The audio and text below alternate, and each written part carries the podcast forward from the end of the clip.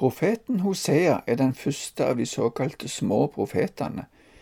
Dette navnet kommer av at bøkene til disse profetene er mindre i omfang enn de såkalte fire store profetene. Hosea var en av de eldste profetene som har overlevert sitt budskap i bokform.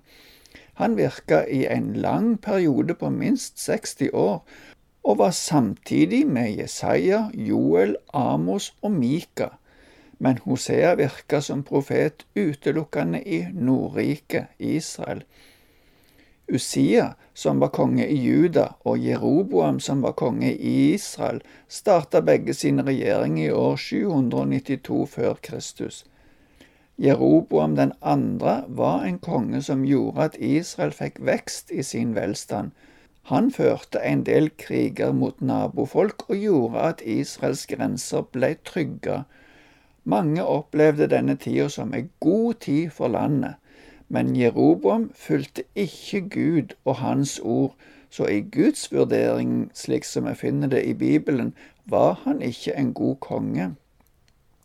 Folket drev med mye avgudsdyrkelse, men siden velstanden var økende, var det nok ekstra vanskelig for Hosea å komme med et budskap som dømte folket, etter at Jeroboams sønn Zakaria ble myrda, ble det politisk kaos i Israel, og det er bemerkelsesverdig at Hosea ikke nevner noen av de siste seks kongene i sine profetier, selv om han levde samtidig med dem. På slutten av det åttende århundre før Kristus ble Israel et lydrike under Asyria. Hosea virka i denne tida som var prega av avgudsdyrkelse. Han avslørte avgudsdyrkelsen og forkynte dom over folket. Men samtidig beskrives Guds uendelige kjærlighet og trufasthet. Det var flere av profetene som måtte gjennomgå vanskelige ting, både fordi folket var imot dem, og fordi Gud påla dem å gjøre ting som kunne være svært ubekvemme. Dette skulle skje for å illustrere budskapet. Det skjedde òg for Hosea, som ble bedt om å gifte seg med ei som var prostituert. Dommens glød og Guds kjærlighetsglød er forena på en underlig måte hos Hosea. Vår Gud er jo slik, han er en fortærende ild over de som står han imot. Det leser vi i Hebreerbrevet 1027 og i 1229, men samtidig er han en varm kjærlighetsflamme for de som ydmyker seg. Navnet Hosea betyr frelse. Det kommer ifra det samme rota som Josva og Jesus, og bare det i seg sjøl viser litt av kjernen i budskapet. Det er naturlig å tenke på Jesus.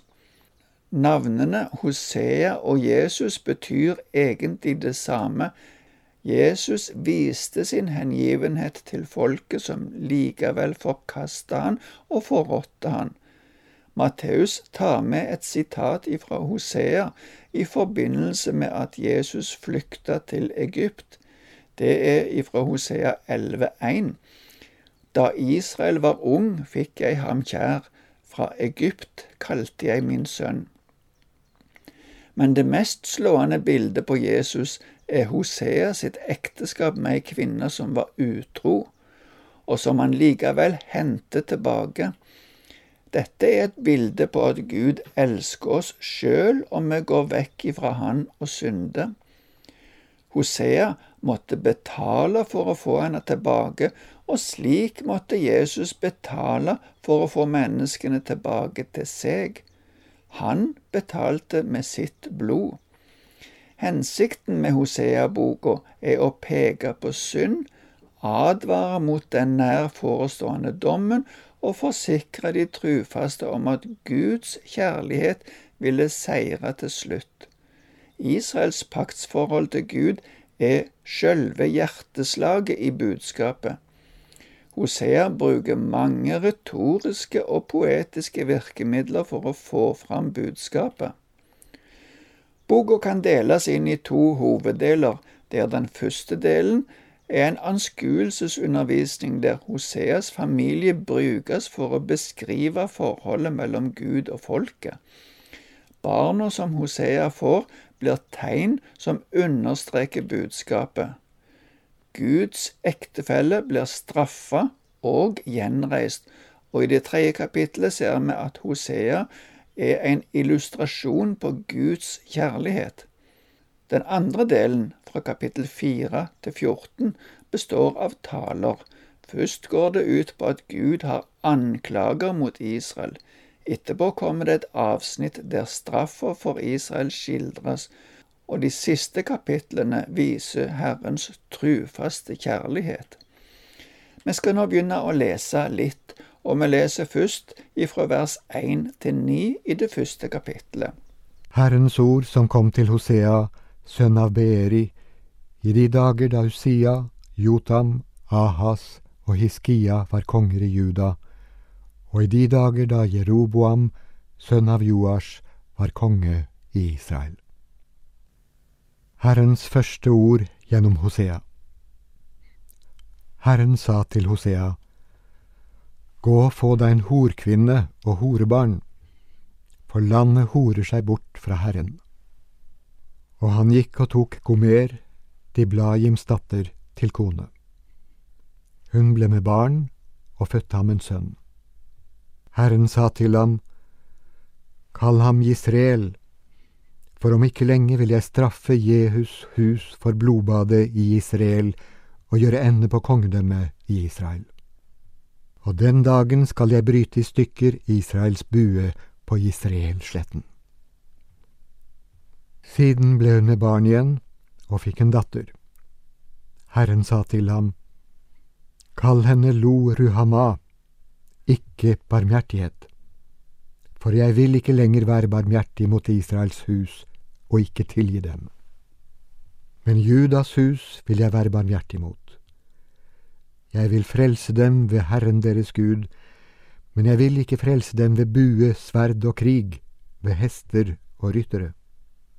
Da hun hadde avvent lo Ruhama, ble hun med barn igjen og fikk en sønn. Herren sa, Kall ham Lo Ami, ikke mitt folk, for dere er ikke mitt folk, og jeg er ikke her for dere. Det første verset viser, som vi sa tidligere, tida da Hosea virka. Det nevnes fire konger i Judariket.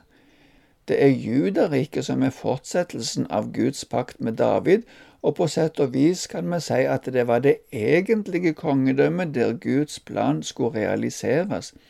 Men Israel var òg en del av det folket som Gud hadde gjort pakt med på Sinai og med Abraham. Men i Israel nevnes bare Jeroboam den andre. De kongene som kom etter ham, var en del av straffa ifra Gud, kan vi si, fram til folket ble ført til fangenskap i Asyria. I denne tida, som var en del av dommen, ble det forkynt sterkt om Guds kjærlighet, i håp om at folket skulle vende tilbake til Gud. Det var en merkelig og tung befaling Hosea fikk i starten av sin profetgjerning. Han fikk befaling om å gifte seg med ei horkvinne og få barn med henne. På denne måten skulle han uttrykke budskapet sitt på en profetisk måte for å illustrere at Gud hadde gjort en pakt med dette utro folket. Åndelig talt var de blitt ei hore. Forholdet mellom Herren og Israel blir i Bibelen ofte beskrevet som ekteskap.